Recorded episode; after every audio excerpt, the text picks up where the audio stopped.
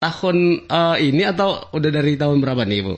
Uh, saya dilantik tuh Desember 2020. Desember Jadi 2020. Baru. Oke, baru ya. Iya. Ya sudah berarti tepat rasanya kalau kita mengucapkan selamat untuk Ibu hmm. uh, Uci. Ya wakilnya Ibu Uci ya. Iya. Oke, ini lebih dekat kalau untuk Anda yang ingin bertanya juga berkaitan dengan topik kita hari ini yaitu penguatan internal kontrol keuangan untuk pencegahan fraud di 08 360 baik via telepon via SMS dan juga via WhatsApp kita buka untuk Anda yang ingin bertanya. Di luar sana mungkin banyak yang sudah familiar juga dengan waspadalah, waspadalah, waspadalah. Bang Nafi, itu uh, ada kaitannya dengan topik kita hari ini karena sebenarnya apa yang menjadi faktor-faktor pemicu atau juga penyebab munculnya misalnya uh, perilaku fraud atau juga kecurangan dalam diri seseorang itu uh, kita harus tetap uh, ya apa namanya waspada gitu ya. Nah pertanyaannya untuk membuka perjumpaan kita bersama Ibu Uci nih, apa sebenarnya jenis-jenis uh, fraud ini sendiri yang uh, pada umumnya kita ketahui juga di lembaga atau mungkin organisasi organisasi pada umumnya? Uh, baik. Uh, fraud itu adalah hmm. kalau bahasa Indonesia-nya kecurangan ya, hmm. tindakan hmm. yang intinya dia melawan hukum hmm. yang dilakukan oleh orang, hmm. satu orang hmm. atau uh, dia dibantu oleh orang lain atau hmm. kelompok hmm. dari dalam sebuah organisasi ataupun di luar organisasi tersebut hmm. dengan maksud untuk mendapatkan keuntungan pribadi atau kelompok. Hmm. Intinya itu. Yang uh, dia uh, memperkaya kelompoknya dengan merugikan organisasi. Hmm. Intinya di situ uh, tindakan fraud itu. Oke, okay. uh, bisa dibilang termasuk pencurian nggak sih kalau uh, pencurian kelas kakap nggak sih kalau udah udah nyebut fraud ini atau gimana?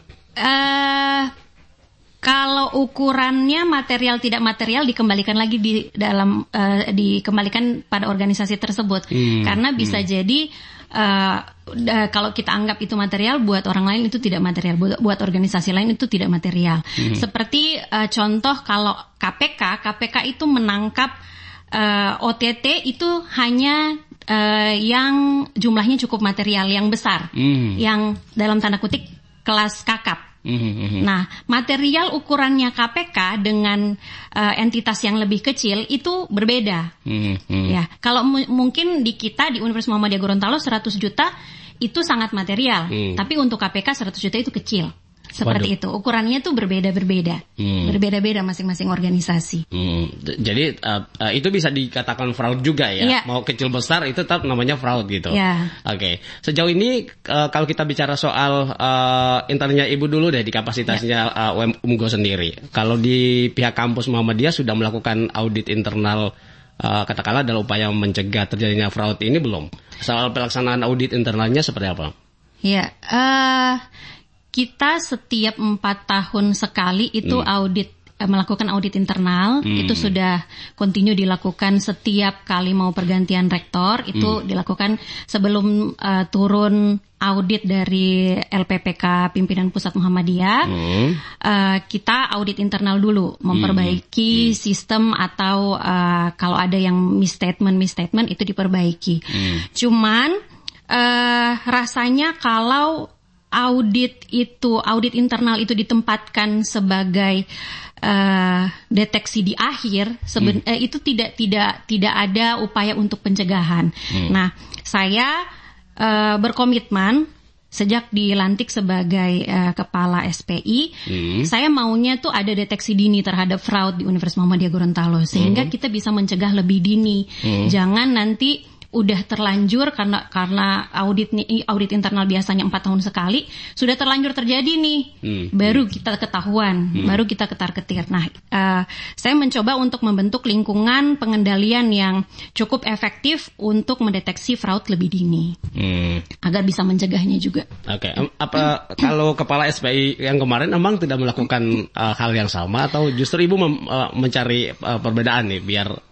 kelihatan uh, saya punya uh, inovasi baru nih misalnya. Uh, uh, SPI yang lama itu sifatnya ad hoc. Hmm. Jadi ketika dibutuhkan baru dibentuk. Hmm. Uh, mungkin pimpinan yang lama tidak me, tidak melihat bahwa pengendalian itu adalah hal yang cukup penting. Hmm. Yang penting adalah kita melakukan, kemudian uh, kita cek di, di di akhir hmm. di akhir periode apakah uh, organisasi ini sehat atau tidak. Menurut saya itu sudah sangat terlambat sekali. Mhm.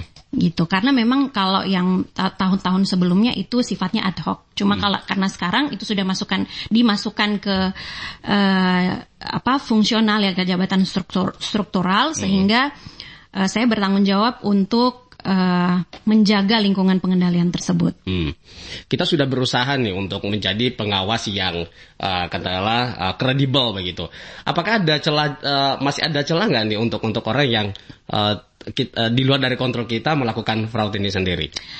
Bisa, eh ada, tetap ada celahnya karena eh, berbagai macam sistem yang di eh, create untuk eh, membuat lingkungan pengendalian itu lebih kondusif.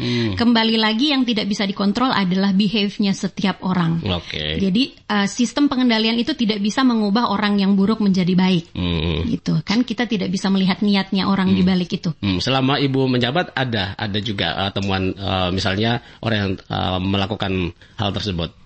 Eh, saya berharapnya nggak ada ya. Saya berharapnya nggak ada karena saya berusaha untuk menciptakan sistem yang mereka bisa saling kontrol di keuangan itu.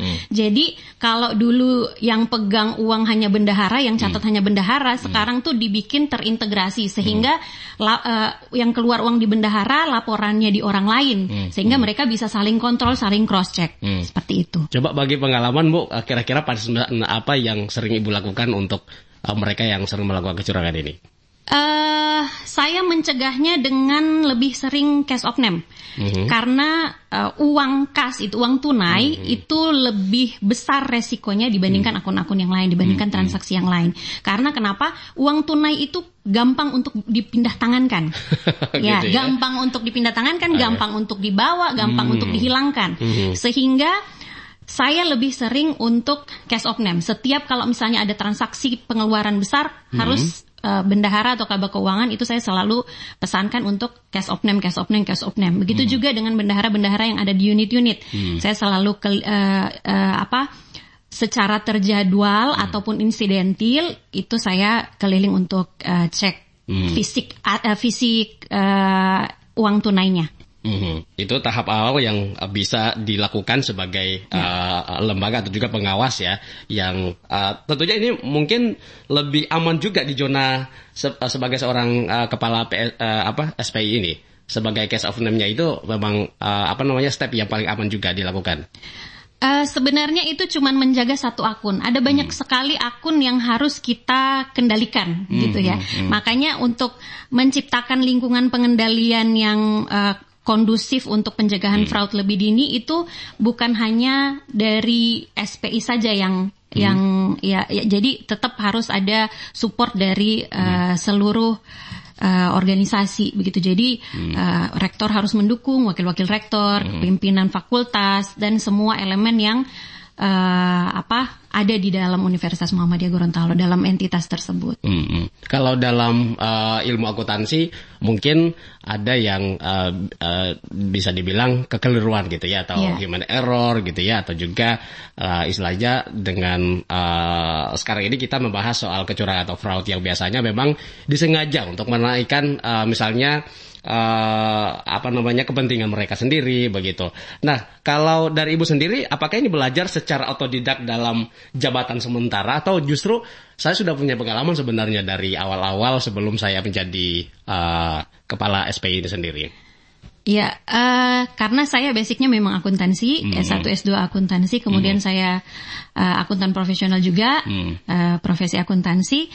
Saya juga mengajar audit, Mhm. mengajar auditing. Salah satu yang saya ajarkan juga internal control. Hmm. Sehingga ya, oke, saya juga eh, profesional eh, mengaudit, tapi di luar, di luar sebagai akuntan publik. Oke, di satu perusahaan, ibu pernah ke, di swasta juga atau uh, udah terjun langsung di lembaga pendidikan? eh se- saya berjalan beriringan. Jadi Oke. eh, saya kerja juga di kantor akuntan publik sebagai Wow. profesional accountant. Hmm. Kemudian saya juga ngajar. Mhm. Sehingga saya pikir eh, ya apa yang saya ajarkan itu benar-benar saya lakukan. Hmm, manajemen waktu sama manajemen keuangan kayaknya beriringan tepat nih kayaknya ya.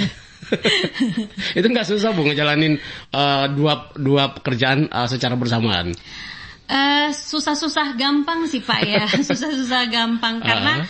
kalau audit kan dia eh, tergantung kalau ada orang yang ada yang membutuhkan audit, Hmm. baru kita turun. Kemudian kalau eh, apa jadwal untuk mengajar Hmm. atau menguji atau melakukan penelitian dan pengabdian itu kan Hmm. sudah bisa diatur Mhm. gitu.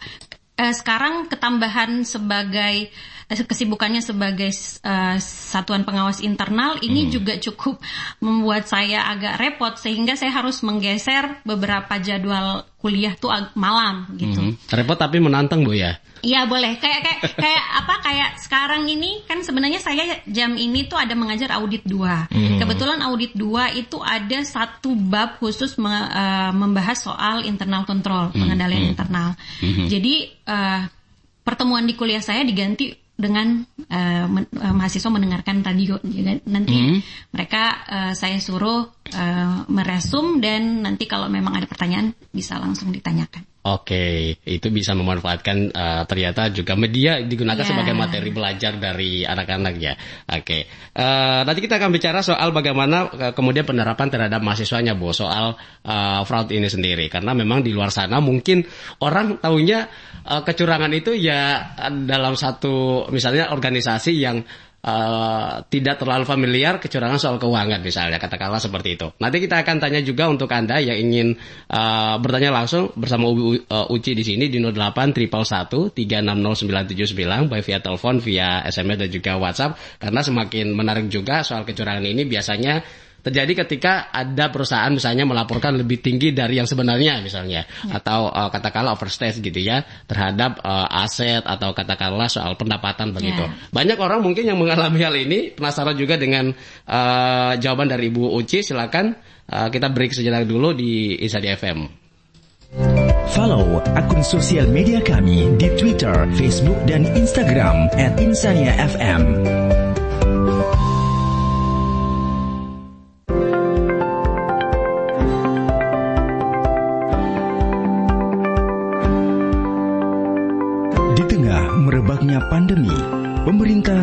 Berupaya agar bangsa Indonesia bisa keluar dari jeratan pandemi. Salah satunya dengan terus melakukan uji coba vaksin.